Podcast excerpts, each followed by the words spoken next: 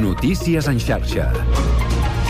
Bona tarda, són les 4. Us parla Mercè Roura. Un home mort assassinat aquest dilluns al matí en un camí de Cambrils. Ens ho explica el nostre company Gerard Amigó de Ràdio Cambrils. Un home ha mort de manera violenta aquest dilluns al matí en un camí entre Cambrils i Vinyols i els Arcs, segons han revelat els Mossos d'Esquadra. Els fets han succeït al voltant de dos quarts d'onze del matí quan el 112 ha rebut l'avís d'un atropellament en un camí rural entre Cambrils i Vinyols pertanyent al terme municipal de Cambrils. Fins al lloc dels fets s'hi han desplaçat patrulles dels Mossos d'Esquadra d'Esquadra, policia local de Cambrils, bombers i el SEM. Han intentat reanimar el pacient, però ja era massa tard. Els agents treballaven amb la hipòtesi que era un possible atropellament, però en realitat era un homicidi o assassinat. Els Mossos estan investigant els fets i un dels principals objectius és localitzar l'autor del crim. Seguirem aquesta informació. I parlem de protestes perquè aquest matí ja us ho dèiem, els treballadors de Danone s'han traslladat fins a Barcelona des de Parets del Vallès. Han fet una manifestació des de l'estació de Sants fins a les portes de la seu central de l'empresa al carrer Buenos Aires. La manifestació ha estat tensa. Els treballadors han llançat ous i iogurts a la façana de l'edifici i han enganxat adhesius amb missatges contraris al tancament. Jordi Barragán és el president del comitè d'empresa de Danone a Parets. L'escoltem. No estem d'acord perquè aquesta decisió no s'ha pres a Europa. O sigui, n'hi ha un comitè europeu que aquesta decisió allà no s'ha pres. Per això encara tenim indicis de que es pot, es, es pot tirar enrere aquesta decisió. I lluitarem, lluitarem fins al final. Un dia en què ha hagut més protestes, recordem que els pagesos i els ramaders continuen amb talls i mobilitzacions massives des de la setmana passada que van anar a Barcelona. Avui han fet talls de carretera i marxa lenta de tractors al Segrià i a l'Urgell, un tema que, com sempre ja sabeu, anirem seguint. Més temes en clau política. Nou baròmetre electoral del Centre d'Investigacions Científiques del CIS que apunta que el PP podria perdre la majoria absoluta i, per tant, el govern a Galícia. Diumenge, recordem-ho, es fan eleccions autonòmiques. Segons l'estudi que s'ha donat a conèixer avui, obtindria el Partit Popular entre 34 i 38 diputats, al límit que marca la majoria. El BNG segueix a l'alça i el CIS li dona entre 24 i 31 diputats, mentre que el PSOE continua estancat i a la baixa i aconseguiria entre 9 i 14 diputats. Pel que fa a unes possibles eleccions espanyoles, el baròmetre del CIS del febrer dibuixa un empat tècnic entre el PP i el PSOE, eh, tots dos amb un 33% dels vots. Sumar es manté la tercera posició amb el 10% i Vox la quarta amb un 8%. És tot de moment. Tornem amb més notícies amb xarxa. Notícies en xarxa. 4 i 3 minuts. Comença el Connectats.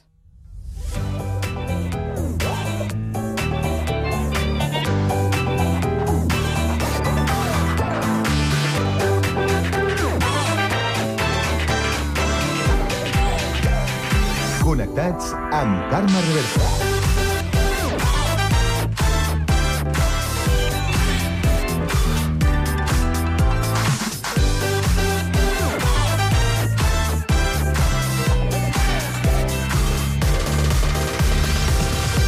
Molt bona tarda, salutacions i benvinguts al magazín de tarda de la xarxa, el Connectats de l'àrea metropolitana de Barcelona, programa que fem i que podeu seguir a través de Ràdio Sant Cugat, Ràdio Sabadell, la Municipal de Terrassa, el Prat Ràdio, Ràdio Ciutat de Badalona i Ràdio Castellà. Una salutació de tot l'equip, conduït a la part tècnica per Pablo Palenzuela, Sami Fernández a la producció i de qui us parla, Carme Reverte. Avui és dilluns, 12 de febrer, i volem saber quin temps ens espera aquesta tarda. Lluís Mi Pérez. Hem d'estar estar molt pendents al llarg de les properes hores del vent, que sobretot afectarà les comarques de Tarragona fins a l'àrea metropolitana de Barcelona i a gran part del sud de Lleida.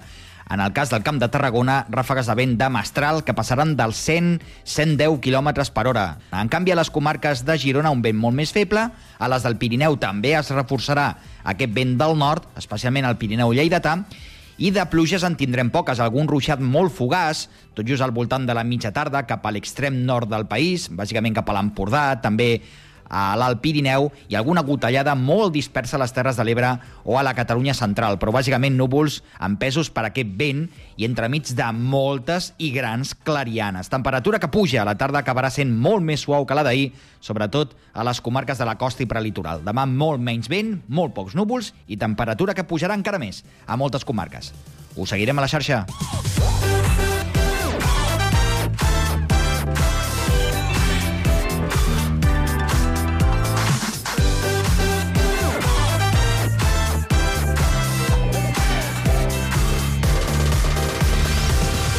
Bé, doncs avui al Connectats coneixerem la tasca dels gossos pigall. Acompanyarem la castellarenca Pam Díaz i el seu gos per aquest municipi. Acabarem la primera hora amb la tertúlia esportiva per analitzar l'última jornada de Lliga, la candidatura a la presidència de la Federació Espanyola de Futbol del periodista Carlos Herrera i de la mitja marató de Barcelona. A partir de les 5 coneixerem l'entitat eh, TEA Prat a través d'algun dels seus membres.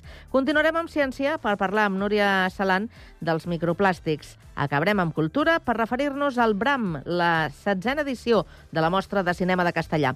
Tot això i més des d'ara i fins a les 6 de la tarda a la vostra emissora local. Connectats? Comencem!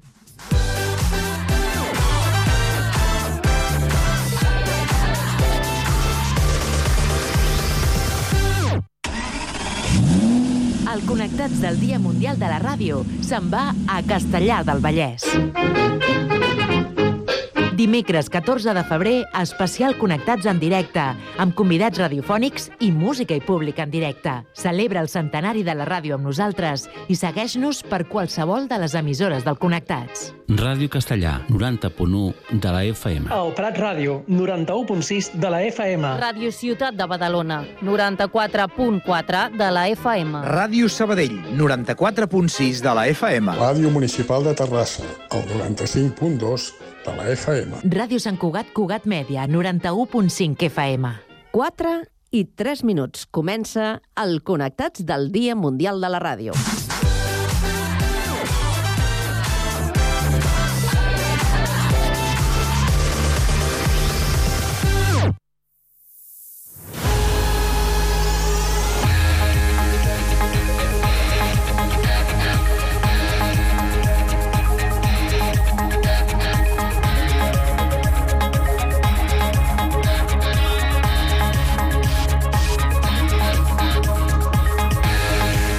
A les 4 i 7 minuts ens actualitzem, ho fem amb la ronda d'actualitat, que avui també obrirem per Terrassa. Sergi Sapé, bona tarda. Bona tarda. Terrassa ja té un centre d'atenció integral per a menors víctimes d'abusos sexuals, un espai confortable que proporcioni seguretat i confiança. S'anomena Barnahus, la casa dels xiquets i xiquetes en islandès, on va néixer la idea. Es tracta d'un model d'atenció integral a les víctimes on tots els departaments que intervenen en un cas es coordinen lluny de comissaries i hospitals. Hi treballa a temps complet un equip psicosocial i altres professionals s'hi desplacen per evitar que la víctima i la seva família hagin de recórrer les diferents instàncies i reviure el trauma una mitjana de quatre vegades. Per això, la casa disposa d'un circuit tancat de televisió per gravar el testimoni. Aquest projecte es va posar en marxa l'any 2020 de forma pilot a la ciutat de Tarragona i ara s'estén arreu del país amb 12 punts més. El de Terrassa és el primer que s'inaugura i posa en marxa tota una estratègia al territori de Catalunya. Gràcies, Sergi. Seguim ara per la cocapital del Vallès Occidental, la Sabadell. Pau Duran, bona tarda. Bona tarda. D'aquí a 20 anys, el 2044, Sabadell haurà de tenir fins a un 10% de parc de lloguer social. Això ha dictat la Generalitat de Catalunya en un increment que suposa la creació de 73.000 pisos nous arreu del país. Tot plegat figura en l'anomenat Pla Territorial Sectorial d'Habitatge, que entrarà en vigor aquest juliol, i la seva funció és orientar a mig i llarg termini les polítiques d'habitatge a Catalunya. Inicialment fixava un increment mitjà dels pisos de protecció oficial del 7%, i ara Esther Capella, la consellera de Territori, l'ha elevat fins al 10,3%. Argumenta que ho fa per adaptar-se a les necessitats reals del país. Per nosaltres era bàsic que aquest pla territorial ha de poder donar resposta a les necessitats reals que tenim com a país per ara i pels propers anys. Per tant, nosaltres hem incorporat doncs, eh, que el parc d'habitatge de lloguer social eh, s'incrementi en un 10,3% en aquelles, en aquelles àrees eh, doncs de forta demanda. Des de l'Ajuntament de Sabadell comparteixen l'objectiu amb la Generalitat de crear més parc de lloguer social, però adverteixen que sense finançament català no ho podran tirar endavant.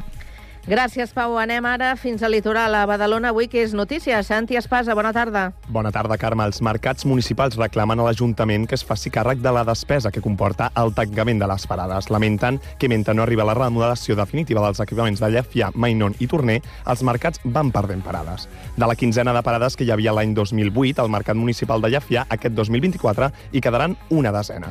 En els darrers dos mesos, expliquen, el Mercat Torner n'ha perdut quatre, des del Mercat de la Salut, on també s'han tancat dues parades recentment, se senten abandonats pels diferents governs locals i creuen que és un sentiment generalitzat a tots els mercats de la ciutat des de fa anys i demanen millores en l'equipament, ja que assenyalen estan obsolets. José Martínez és el president del Mercat de la Salut. L'escoltem. Puedo decir que llevamos 20 años casi un poco olvidados, ¿no? Entonces, yo creo que estamos esperando que venga un gobierno con ganas de, de, de apostar. Se les ha ofrecido, y bueno, pues si realmente no, no son rentables, cerramos un par de ellos y no, no, eh, apostamos por, por mantener en mercados de la ciudad porque toda Badalona se merece un mercado cerca de casa. Pero bueno, si nos queremos mantenernos en mercado, vamos a mantenernos un poco dignamente, ¿no? Martínez també recrimina que siguin els mateixos mercats els que han d'assumir els costos del tancament de les parades. Defensa que, tenint en compte que són edificis municipals, l'Ajuntament s'hauria de fer càrrec d'una part de la desena que comporta. Gràcies, Santi. Continuem al litoral. Ara, des del Prat de Llobregat, Víctor Asensio, bona tarda. Bona tarda. El pratenc Jaume Martí s'emporta el Goya millor muntatge per la Societat de la Nieve. És el segon guardó que guanya després d'un monstru a Viena Merme. La pel·lícula de Juan Antonio Bayona ha arrasat els premis de l'Acadèmia Espanyola de Cinema enduent-se 12 estatuetes de les 13 a les quals estava nominada i consolida la seva cursa per l'Oscar a millor pel·lícula estrangera. La del Pretenc és la quarta col·laboració amb el director de Barcelona en el món del cinema, però també hi ha col·laborat a la petita pantalla amb el muntatge dels dos primers episodis dels Anells de Poder.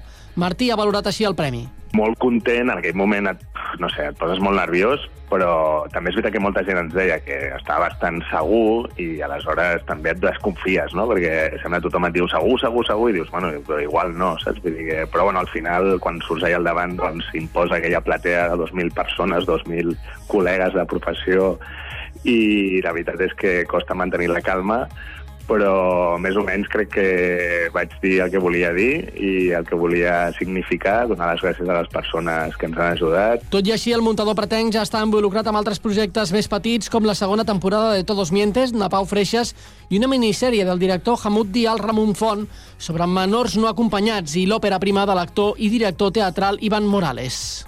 Gràcies, Víctor. De retorn al Vallès. Ara ens quedem a Castellà. Guillem Plans, bona tarda. Bona tarda. La castellarenca Gisela Pou s'ha endut el 13è Premi Carlemany pel foment de la lectura per l'obra Retorn a Douglas Rowe.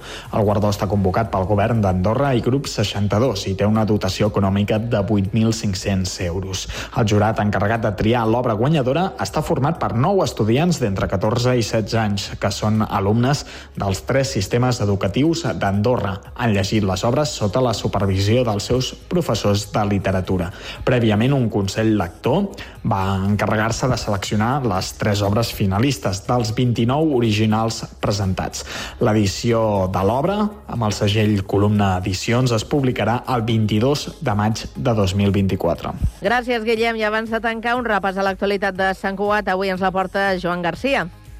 Molt bona tarda, Carme. 36 finalistes opten a guanyar la 23a edició dels Premis Esport en Marxa, que organitza Quad Media i que s'entregaran en una gala conduïda per la periodista Gemma Montero que tindrà lloc el 27 de febrer, dimarts, a dos quarts de vuit del vespre al Teatre Auditori. Els finalistes s'han a conèixer aquest dilluns en un acte al Pafú de la Rambla del Celler.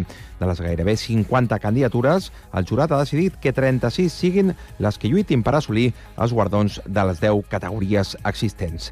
L'alcalde de ciutat, Josep Maria Vallès, el director provisional de Cugat Mèdia, Joan Miquel Fernández, el portaveu del jurat i responsable d'esports de Cugat Mèdia, Joan Garcia, l'ambaixador dels Premis Esport en Marxa d'enguany de Fria, han explicat la gala d'aquesta edició, que té com a eix central l'esport inclusiu i adaptat i que reconeixerà els mèrits de clubs i esportistes de la temporada 2022-2023. Escoltem el director provisional de Quad Mèdia, Joan Miquel Fernández tornen els Premis Esport en Marxa i aquest any amb una temàtica central que és l'esport inclusiu i adaptat. Jo crec que per sobre de tot és una nit per compartir, jo crec, amb les entitats, els clubs i els esportistes un reconeixement transversal i global i sobretot destacar que Sant Cugat i Cugat Media, en aquest cas com a testimoni, com a mitjà de comunicació. La gala inclourà una taula rodona esportistes adaptats i també d'esport inclusiu i, finalment, l'actuació d'Àrboles Amarillos, un grup de música local format per persones amb diversitat funcional.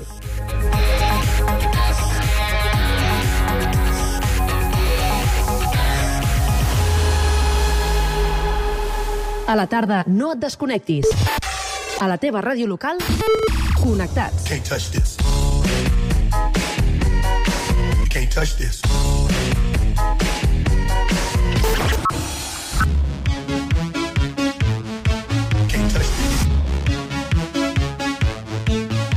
This. Connectats amb Carme Rebell.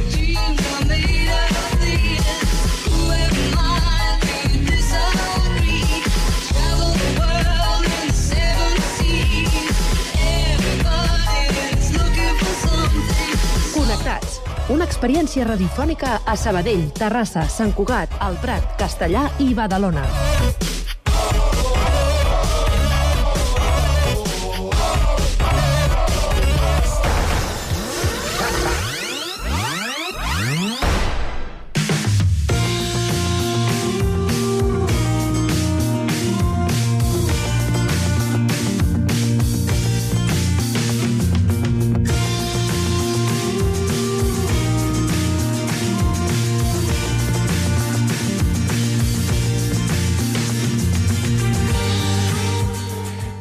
Passegem per Castellà del Vallès acompanyats eh, per la PAM i el seu gos Pigall, un golden simpàtic i amb bon pont entremaliat, però sobretot molt treballador, perquè tot i ser el millor amic de la PAM no deixa de ser una eina per poder viure amb normalitat. Avui descobrim la feina dels gossos Pigall amb el company de Ràdio Castellà, Guillem Plans, que es troba als jardins del Palau Tolrà. Guillem, bona tarda. Avui hem quedat amb la PAM. Som aquí, als jardins del Palau Tolrà de Castellà, però no ha vingut sola. Pam, benvinguda, un plaer. Hola, bona tarda, encantada d'estar aquí amb vosaltres. Qui t'acompanya? Presenta'ns. Bueno, jo vinc acompanyada, com sempre, amb el gos Pigall, que es diu Zolk, és un golden, i bueno, és la que m'acompanya el dia a dia.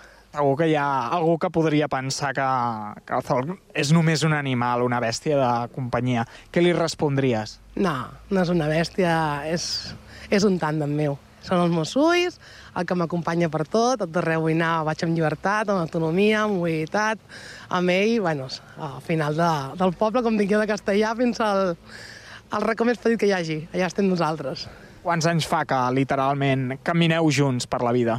Amb el Zol porto tres anyets. Va arribar amb mi que tenia un any vuit mesos, el 2019, que ens va enxampar justament el confinament, a més a més, i fins a dia d'avui, que té cinc anyets a l'abril, va fer. Està molt ben instruït. Sí, sí, sí, està super bon educat.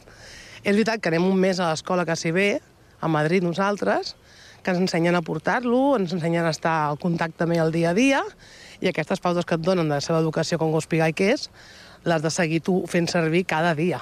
Sempre se'n va alguna coseta, perquè al final al cabo l'amor fa més que, que una, una normativa a vegades, però bueno, són petites coses que dius que és el carinyo, no? que ja els coneixes al final i dius, hòstia, és que m'està tomando el pelo, no? Però bueno, és un gos molt, molt, molt educat. Molt. Caminàvem junts, ara fa un moment, per arribar fins aquí, i li has dit, anem a la font dels peixos, anem a un banc, i ell t'hi ha portat. Sí.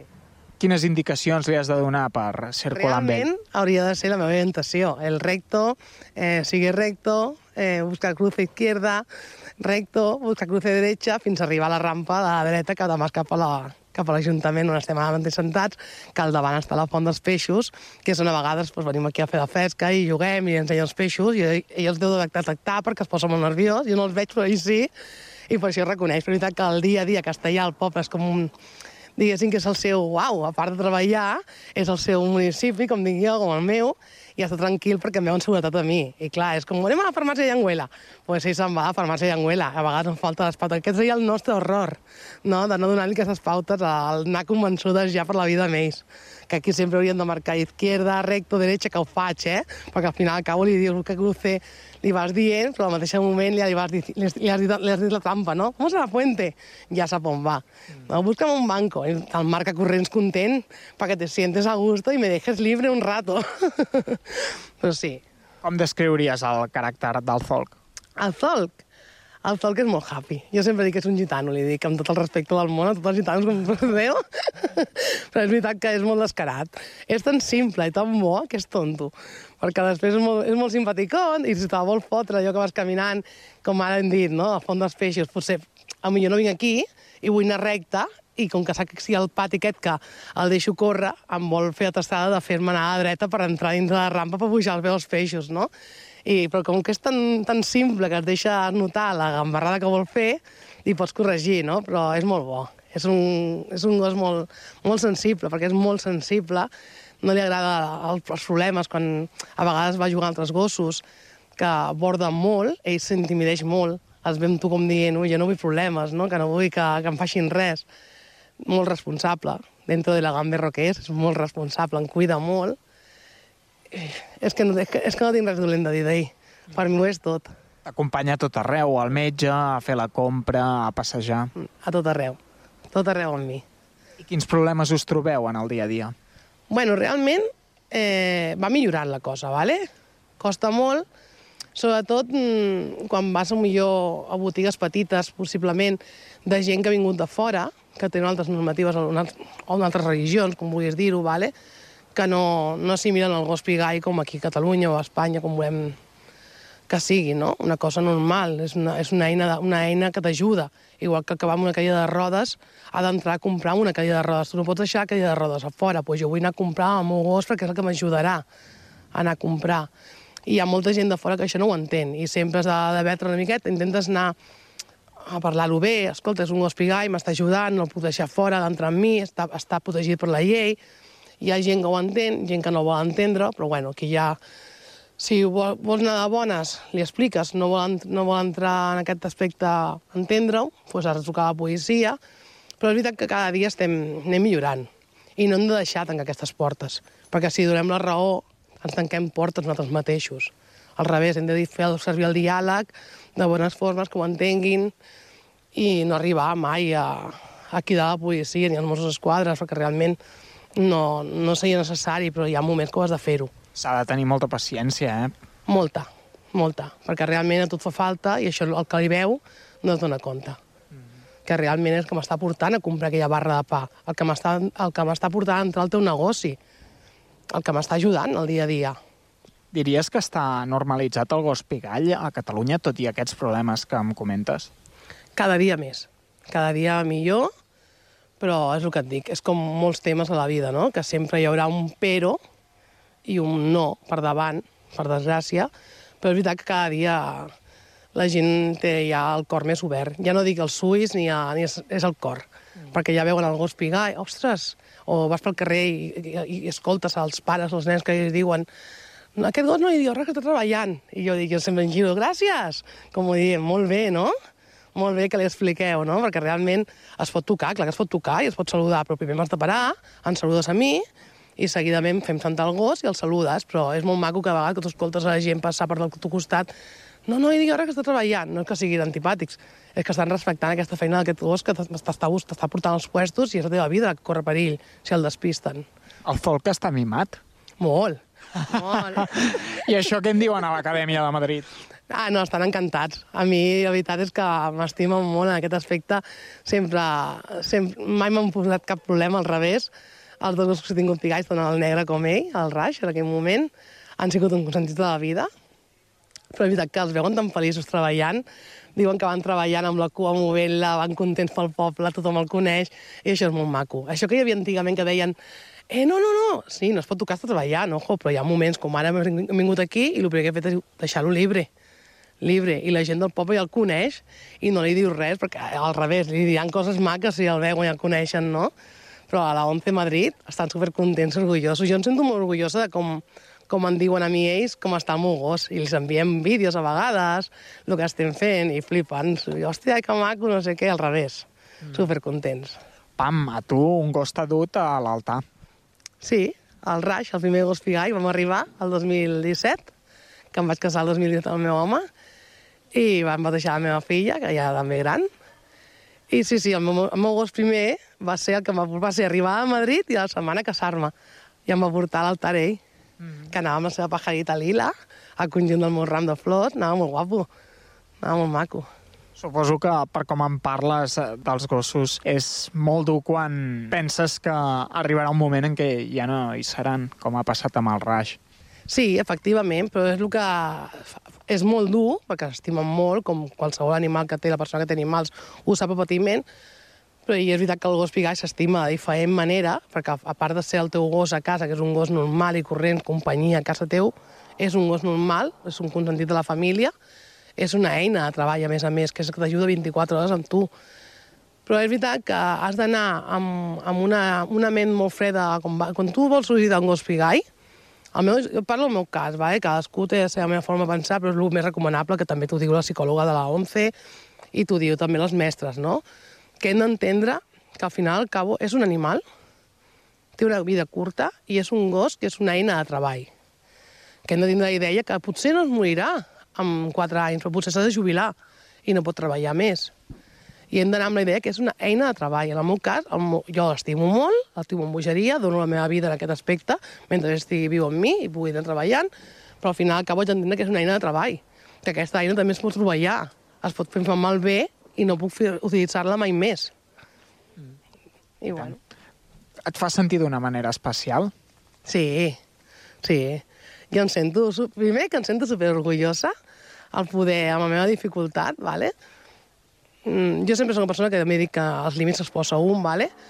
però no és el mateix el bastó que anar acompanyat tot el dia amb un gos pigai, amb el qual vas parlant, t'ajuda, a part que t'ajuda, clar, que és el bàsic, no?, la teva, aquesta ajuda que té, però l'autonomia que et dona, la llibertat que et dona, la seguretat, i, i clar, al final mm, és un equip, és un tàndem, i és com anar tot el dia amb la teva paella parlant, no, vinga, no sé què, igual que rius, t'enfades, és una companyia a tope, a tope. Parlem del procés aquest d'ensinistrament, que entenc que és estricte, que, que està molt ben instruït. Se n'encarreguen professionals, tu hi participes també? No, no, bueno, s'encarreguen els professionals de Madrid, a l'escola de, de Boadilla del Monte, a Madrid, de l'escola de la OMCE, a Gospigai, i nosaltres sol·licitem, i quan ja, després de totes les pautes que has de passar per demanar el Gospigai, vale? pues, te'n vas a Madrid un temps, que estàs quasi un mes, allà convivint, 24 hores amb el Gospi. El segon dia et donen el Gospigai, i bueno, tots són pautes, tots són seguiments de, de, bueno, de, de guia, tant tot, el joc també t'ho ensenyen, però és especial. Allà, tu, tu arribes allà i penses, hòstia, com serà l'ensenyament, no? És tot amor. La gent pensa que són gossos maltractats. No, no són gossos maltractats. Què va? Hi ha puro amor. És que, és més, a mi m'encantaria aprendre a ensenyar-los com fan ells. Perquè amb aquella passió, amb aquell amor que fan servir, per educar un gos que al final al cabo, acabi amb un any, en aquest cas el, el Zolk, amb un any, vuit mesos, acabi portant una persona pel carrer i la faci sentir com em fa sentir a mi, és un adiestrament i una educació dia a dia, 24 hores amb ells, especial. Funcionen millor els reforços positius que els càstigs. Sí, càstigs són, bueno, càstig, siéntate i quieto. Eh, allà no hi ha un, una, una, una aixecada de mà en cap moment, però realment, eh, com que treballen amb tant amor, ells mateixos, com a molt, et poden fer aquestes jugades que, que t'explicava abans, que si saben que a la dreta està el joc, pues en vez de ir recto a trabajar, intentan irse a juego. Però això ho fa una persona igual que ho faria, eh? igual que si tu te'n vas a fumar al, al moment del treball, que dices, va, me dejan 10 minuts i apures els 10 minuts corrents allà per, per no tornar a la feina, no? Pues ell fa igual. Intenta escaquear-se si puede, però bueno, no cuela. Què li agrada fer en el folk? Al Zol li encanta molt l'aigua. Al Zol li encanta anar a córrer, estar a la platja, estar al riu... Li encanta anar a la muntanya. Aquí a Castellà, per exemple, li encanta anar a Campatasques. Al matí amb la, la meva filla va al col·legi del Casal, la Dakota, i a vegades la porta el meu home i se l'emporta al Zolc al matí i allà juga amb altres goldens, altres lavadores que n'hi ha, que s'ajunten al matí i s'ho passa pipa, disfruta com un nen petit. I el riu i l'aigua, la platja, li encanta. La platja és, vamos. Pam, doncs ha sigut un plaer conèixer-vos a tots dos. Moltíssimes gràcies. A vosaltres, tot un plaer, i bueno, i, i que això del gos pigai, com dient, cada dia sigui més fàcil per nosaltres, que la gent ho entengui, que al final al cabo és una ajuda per nosaltres i que, va, i que no, no, aquestes petites portes que encara tan, tancadetes, com dic jo, s'acabin d'obrir, que això és com obrir un cor. Segur que sí. Moltes gràcies per tot.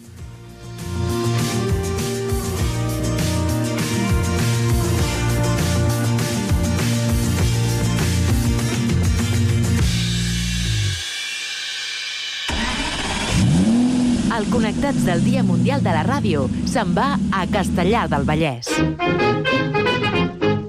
Dimecres 14 de febrer, especial Connectats en directe, amb convidats radiofònics i música i públic en directe. Celebra el centenari de la ràdio amb nosaltres i segueix-nos per qualsevol de les emissores del Connectats. Ràdio Castellà, 90.1 de la FM. El Prat Ràdio, 91.6 de la FM. Ràdio Ciutat de Badalona, 94.4 de la FM. Ràdio Sabadell, 94.6 de la FM. Ràdio Municipal de Terrassa, el 95.2 de la FM. Ràdio Sant Cugat Cugat Mèdia, 91.5 FM.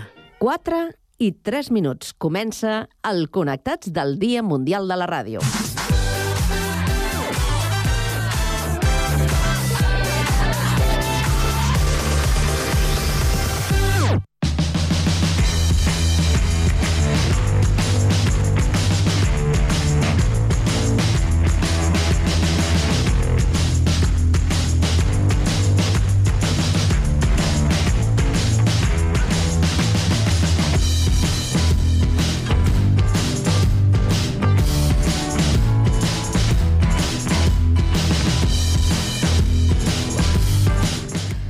Passa un minut de dos quarts de cinc de la tarda i ara és temps per a la tertúlia esportiva dels dilluns. Una tertúlia que avui compartim amb el Miqui Romagosa, redactor d'esports de la Ràdio Municipal de Terrassa. Miqui, bona tarda. Hola, què tal, Carme? Molt bona tarda. Mare meva, estàs amb l'altaveu? No, per què? No, perquè se sent com si estiguessis eh, tancat en una habitació. Escoltarà millor o no? Regular. Però vaja, vale. intentarem... Intentarem millorar, va. Intentarem fer l'esforç i parar bé l'orella. Anem a l'estudi de Ràdio Sabadell. Allà ens espera el Raül Chao, el nostre periodista. Què tal, Raül? Bona tarda. Hola, Carme, què tal? Com anem? Molt bé, molt bé, molt bé, molt bé. Esperant a veure que... quines són les vostres impressions després d'aquesta última jornada de, de Lliga de, de Futbol. I el tercer tertulià d'avui el tenim via telefònica. Eduard Pomares és eh, soci del Barça. Eduard, bona tarda. Hola, molt bona tarda, Carme. Què, Què tal? Com estem? Bé, bé, una mica emprenyats per ahir, però bé. Una mica només? Val. Només una mica. Molt bé. Jo mm, sí que m'agradaria preguntar-vos, eh, vist el panorama eh, i després d'aquesta última jornada, si penseu que aquesta, aquesta lliga està ja sentenciada? Què us jo sembla? Sí. És, sí? Jo crec que sí. La setmana passada parlàvem de que era com una espècie de final al Madrid-Girona perquè són els principals candidats a, a la lluita d'aquest títol i el partit de dissabte es va veure, jo crec que un Madrid molt, molt superior al, al Girona, que després suposo que parlem del partit, però jo crec que la Lliga ja s'ha acabat, perquè és a dir, l'Atlético Madrid i el Barça ja estan en una altra lluita, que és la lluita per intentar classificar-se per la Champions, i a no ser que el Madrid perdi la Lliga, perquè només la pot perdre ell mateix, uh, crec que ja, la Lliga ara mateix només depèn de qui es classifica per Champions, el descens, però la resta jo crec que està decidit. Mm -hmm. Tu què n'opines, Miqui? Doncs jo crec que la Lliga està totalment, totalment ja sentenciada.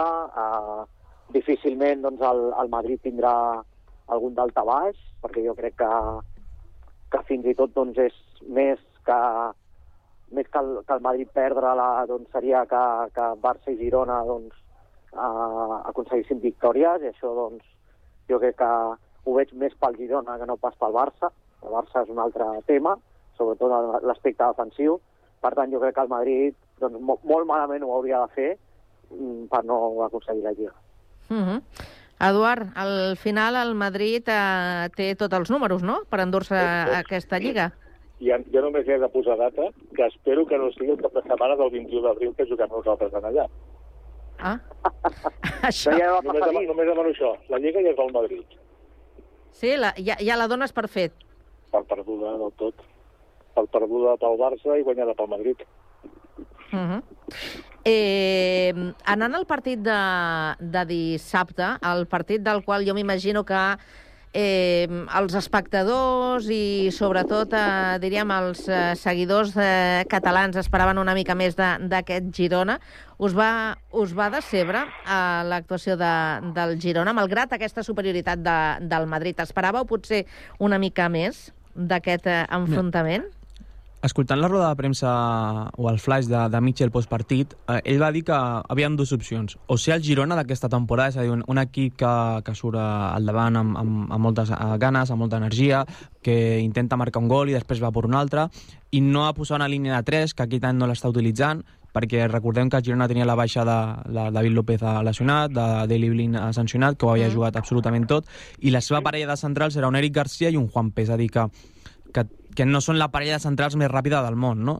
I jo crec que era la primera vegada que jugaven els dos junts. Aleshores, jo crec que es va notar molt, perquè, és a dir, la banda dreta, eh, Vinicius va fer el que va voler, és a dir, també hem de parlar clar que possiblement va ser el millor partit de Vinícius eh, amb la samarreta del Madrid juntament amb la de la Supercopa contra, contra el Barça. I el Madrid sobretot al mig del camp, és a dir, el partit de Kroos uh, Kroos, uh, Valverde, Camavinga van fer, van fer molt de mal perquè al mig del camp del, del Girona només hi havia Aleix Garcia i, Ivan, i, i, el, i l'Ivan Martín perquè va posar a Porto en lloc de, de Llàngel Herrera, aleshores era un equip que anava molt, molt, molt bé cap, a, cap amunt, però tenia problemes cap, a, cap al darrere, no? Aleshores, jo crec que vam veure un Girona bastant irreconeixible, però que va morir amb les seves idees i amb, el seu, i amb les seves ganes d'intentar fer mal. Això va ser un, un punt negatiu per la seva banda, però l'objectiu del Girona jo crec que ara mateix tant la temporada perfecta que està fent, és a dir, només ha perdut dos partits en Lliga, és a dir, el Girona només ha perdut dos partits mm. en Lliga, uh, el seu objectiu és intentar uh, classificar-se per la Champions, que això seria una temporada històrica i de matrícula d'honor. I tant. I els dos amb el Madrid, no? Sí, els dos amb el Madrid. Sí, és Clar, però, dir, per exemple, al partit de l'anada, el Girona va fer un arranc increïble, és a dir, que podien haver ficar-se dos gols a, als primers 10 minuts, que després el Madrid va matar el partit molt ràpid, no? Però és a dir, és la diferència amb, el, amb aquest partit contra el Bernabéu, el partit del Bernabéu, no? Que el, el Madrid des de bon començament va ser molt superior. Ah. Eduard, com a soci del Barça, t'esperaves eh, una mica més del Girona? Aviam, eh, potser ens esperàvem tots una mica més.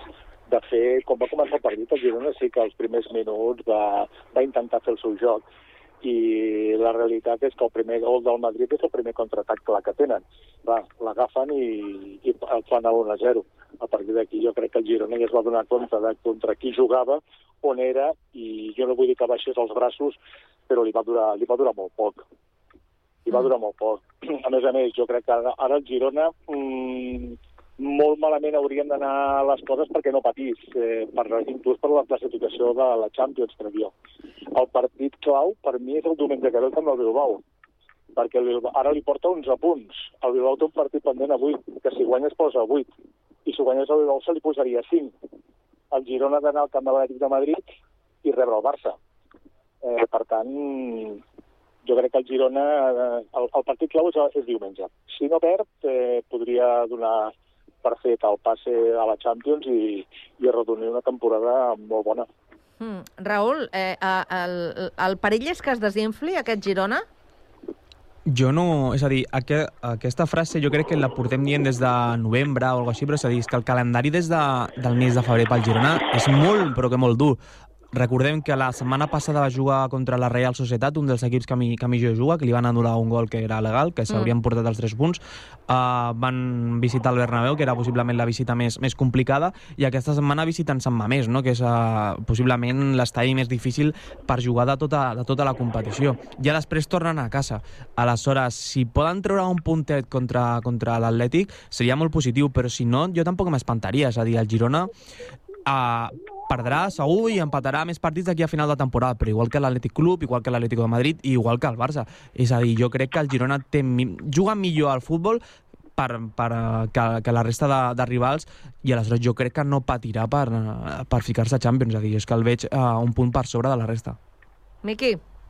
Jo crec que el, el, diumenge, el dissabte vam veure el Madrid de la Champions, no el de la Lliga, aquell equip apàtic, no?, que és moltes vegades al Madrid de la Lliga, i, i crec que el Madrid va, entre, va entendre que el partit era una autèntica final, i el Girona, doncs, potser no tenia tanta pressió com el Madrid, i, i clar, amb pressió a sobre el Madrid reacciona de la millor manera, no? Ho hem vist a, la, a les darreres Champions o, a les darrer, o als darrers partits on, on l'equip d'Ancelotti jugava moltes coses, no? El Girona jo crec que, que sí, que segurament doncs, tindrà alguna ratxa negativa, tindrà algun moment complicat d'aquí al final, però clar, ara mateix té aquest marge per permetre's una mica uh, aquest, aquest daltabaix que, que pot tenir, perquè a més eh, ni Barça ni Atlètic de Madrid, que són els que van per darrere, doncs eh, el poden posar en problemes amb aquesta segona plaça. Ah, clar, un altre tema és que l'Atlètic Club doncs, pugui apretar una mica per darrere, no? Però jo crec que veient la fiabilitat dels dos equips, eh, tant l'Atlético de Madrid com el Barça, el Girona pot estar, pot estar tranquil, té una renda de punts important. Anem, anem amb, el, amb el Barça, que jugava ahir a les 9 del vespre i ni ha fet clic ni ha servit per esperonar l'anunci que va fer Xavi Hernández sobre la seva marxa a final de temporada.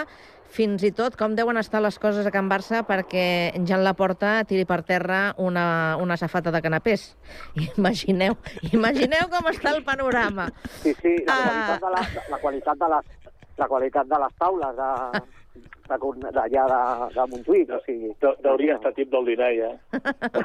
Carme, Car Carme quan, Digues. quan ahir a la nit va sortir la notícia, jo tenia ganes d'avui perquè jo sabia que avui el Miqui... mm, Aquest comentari hauria de sortir sí o sí i el Miqui avui tindria ganes de, de, de dir-la perquè era, era el seu moment.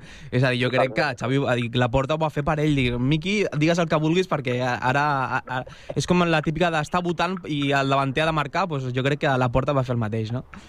Sí, I, f- eh, Digues, digues, I Raül. fora, i, i, fora, I fora bromes, ahir vaig veure un tuit que jo crec que parla del, del gran problema del Barça, no? És a dir, en els, en els, uh, el Barça ha anat per davant en el marcador en el minut 75 o, o inferior només en 5 vegades en el que portem de la Lliga. És a dir, els dos partits contra el Betis, el partit contra el Villarreal, que després vas acabar uh, perdent, i contra l'Atlético de Madrid i l'Ossassuna. La resta de partits ha- has anat empatant o perdent al minut 75. És a dir, que mm, si vas si estàs eh, fent aquest partit durant 75 minuts, després costa molt remuntar, cosa que estan fent però això parla molt del, del joc que estan fent l'equip de Xavi Hernández, és a dir, que, que el Granada, el penúltim classificat i que només havia puntuat al camp de l'Almeria, et foti tres gols, és, és molt greu.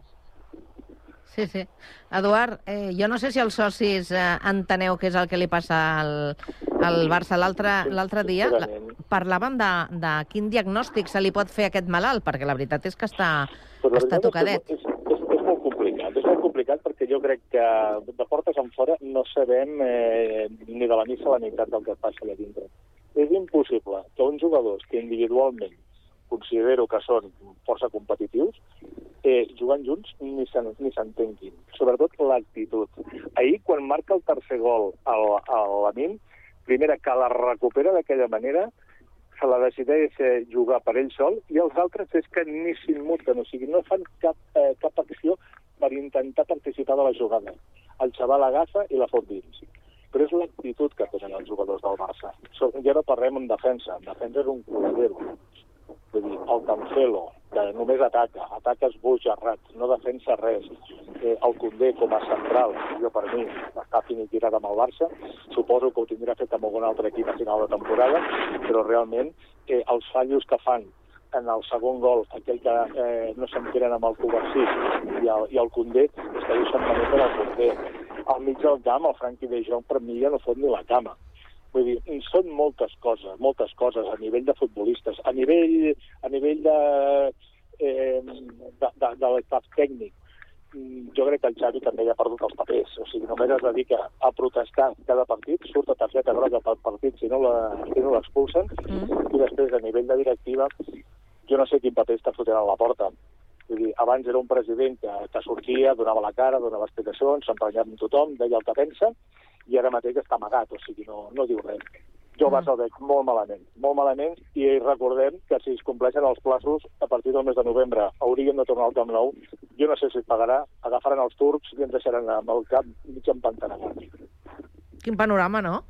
No, no, jo veig, el Barça veig molt malament, però molt malament. En general, ja no parlem només esportivament. No, a nivell institucional. Mm -hmm. A nivell No, no, institucional. pinta malament, eh? Pinta molt malament, la veritat.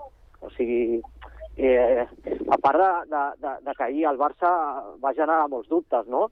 Des de que, des de, des de que eren els canapés, de què eren els canapés que va tirar a la porta, Mm. fins quin seria el futur de, doncs, una mica de, de no tan sols de, de, de Xavi, no? perquè jo crec que fins i tot, jo crec que eh, la seva figura, quan, des de que ha anunciat que marxarà del Barça, s'ha posat més en dubte que mai, eh, no per la decisió, sinó potser pel moment, I després també eh, el, la baixa forma d'alguns jugadors.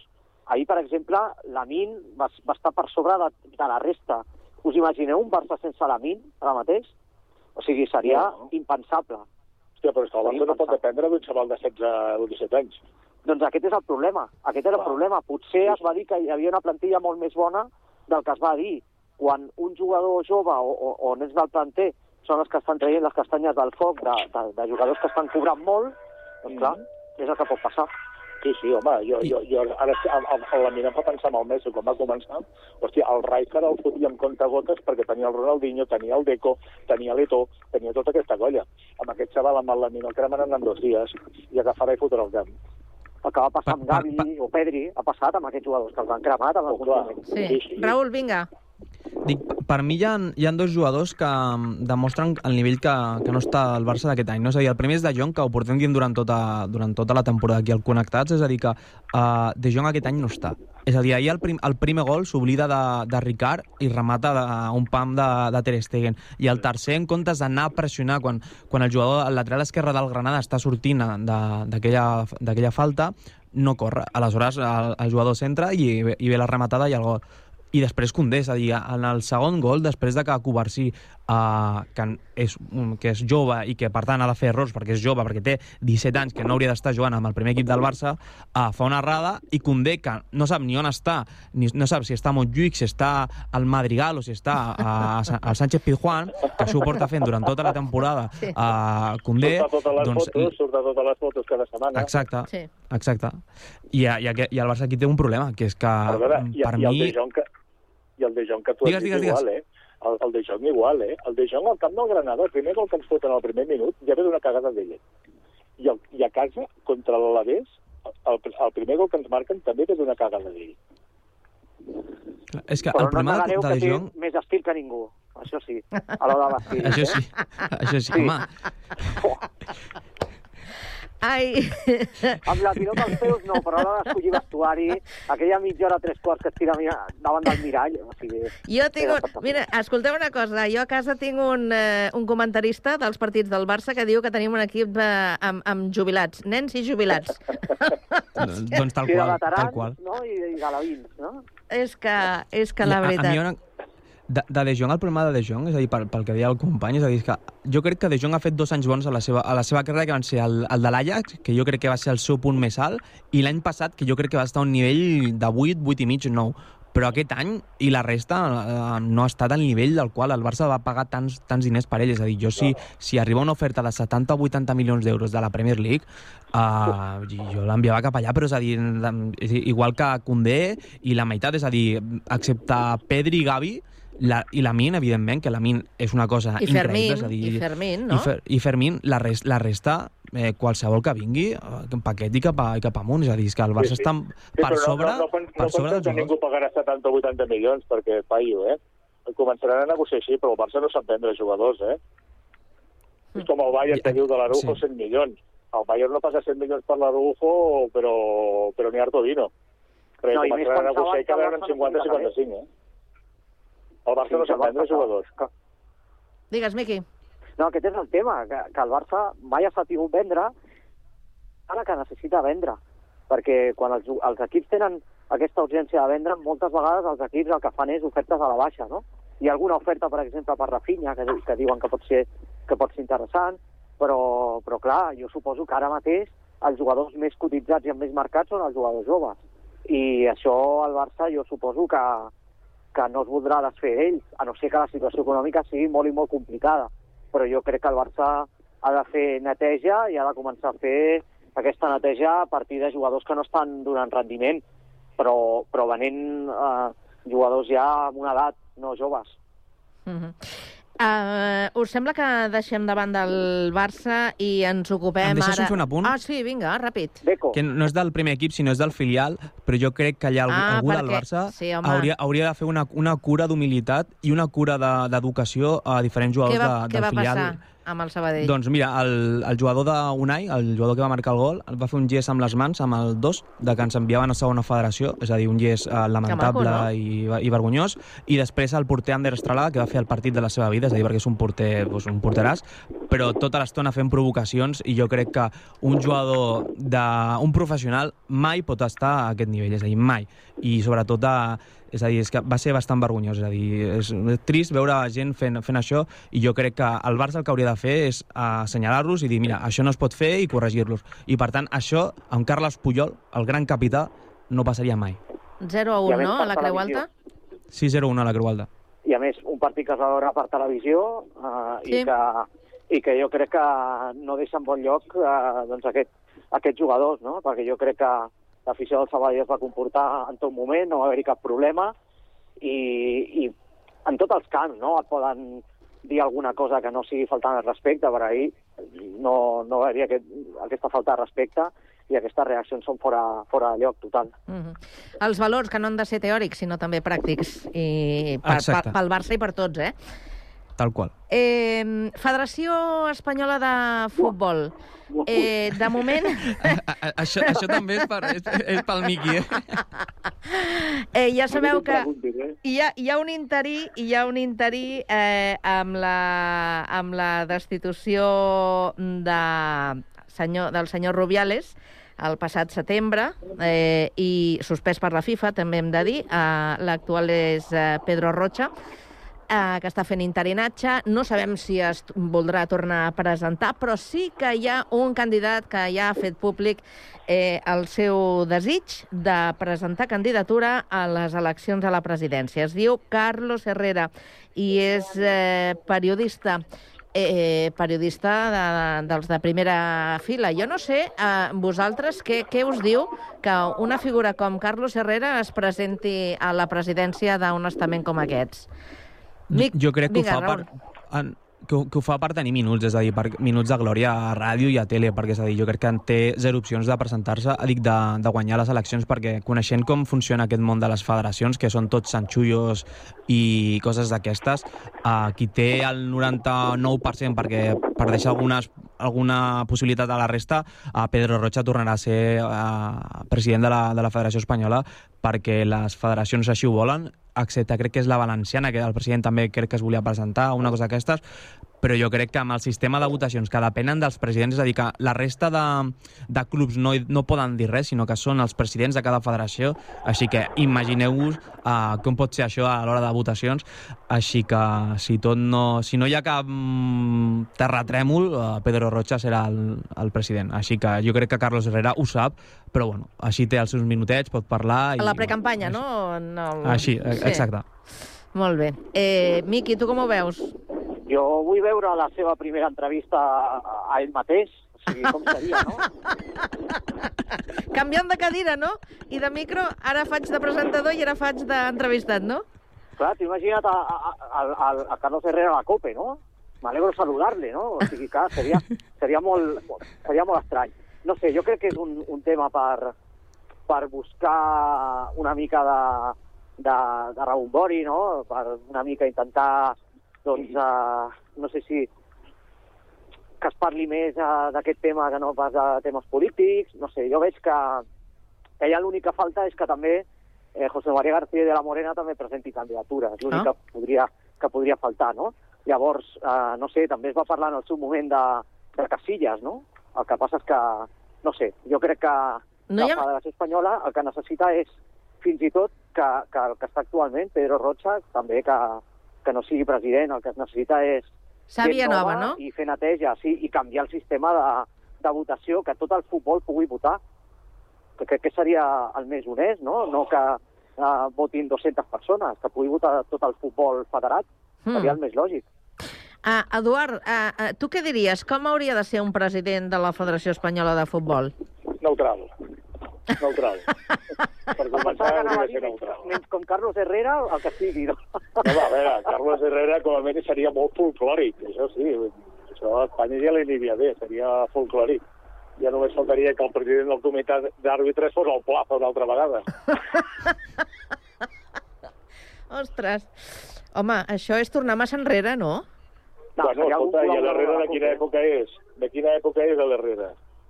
Bueno, tam no estan, tampoc no estan tan gran, no? Home, però com a pensament sí, no? Ah, val, no, Ah. sí, això sí.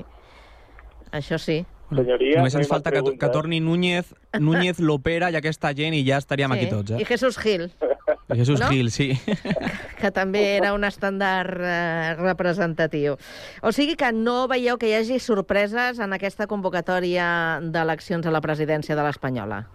No, no, no. No. Jo veig, jo veig que, que lamentablement doncs, continuarà el president que hi ha actualment, perquè doncs, tot estarà ja ben lligat, i el tema Carlos Herrera, doncs, no sé, a no sé que, que des de la pròpia COPE comencin a posar lones per tota Espanya, tipus Girona o tipus La Porta, i que la gent comenci, el comenci a votar, no? Però jo crec que, que clar, mm, no sé, jo crec que és molt difícil, molt difícil per, per això que comentem, no? Que, intentar canviar una mica tot aquest sistema que ja està, que ja està fet. Lones, eh?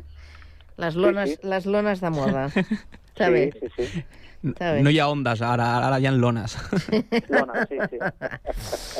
Uh, acabem molt ràpidament, eh, um, ni que sigui per destacar aquesta última edició de la mitja marató de Barcelona, la 34a edició que s'ha convertit en, 8 en, ai, ai, en 28.000 corredors, no tants, eh? n'hi posava jo uns quants més, eh, la prova més massiva de, de l'estat espanyol i la segona més multitudinària d'Europa després de, de Berlín.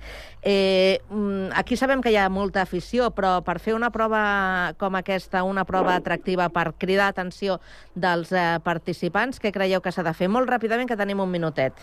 Aquí Tenim la, millor ciutat de, tenim la millor ciutat del món per fer esport i l'hem de cuidar per fer-lo. I Barcelona és la millor ciutat per fer eh, curses i per fer de tot. Molt bé, Miqui. Doncs a potenciar, defensar-ho i, i cuidar-ho. Totalment d'acord amb el Raül. Uh -huh. Eduard, això de córrer va amb tu o no? Mm, No, a veure, no, no va amb mi, però estic d'acord eh, amb els companys, perquè Barcelona ho té tot. A més a més, eh, Barcelona, eh, en quant a atletisme i així, vull dir, sempre ha sigut una, una capital pionera.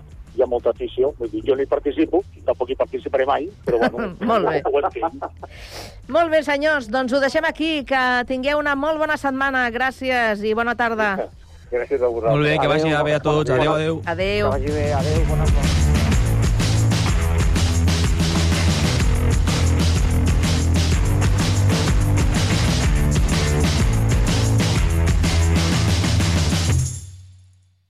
La música de tots els temps a Ràdio Sant Cugat. Me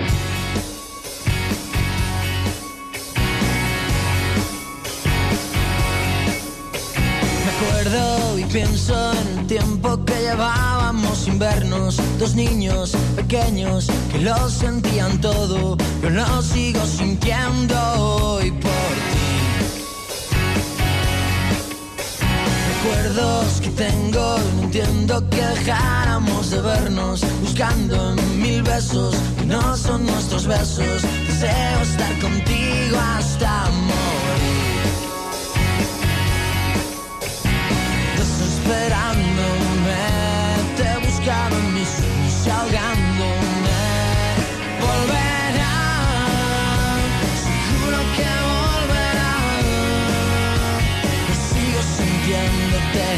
echo de menos, que acabe mi soledad.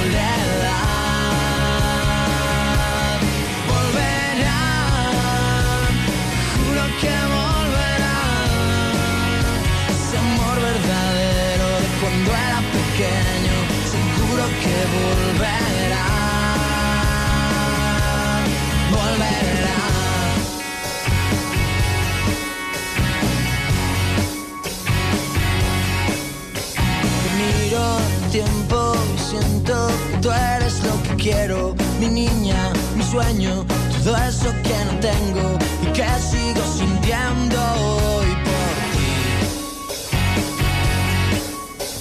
Incluso en mis sueños me invento y me creo que te tengo, que toco tu cuerpo. Yo sé que eso no es cierto y que estoy acojonándome sin ti. Desesperándome,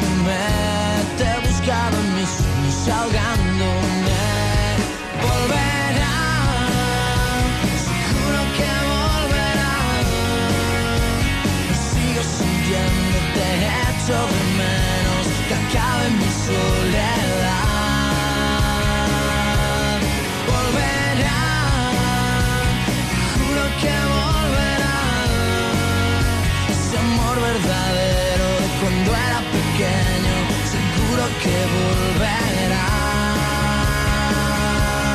Volverá.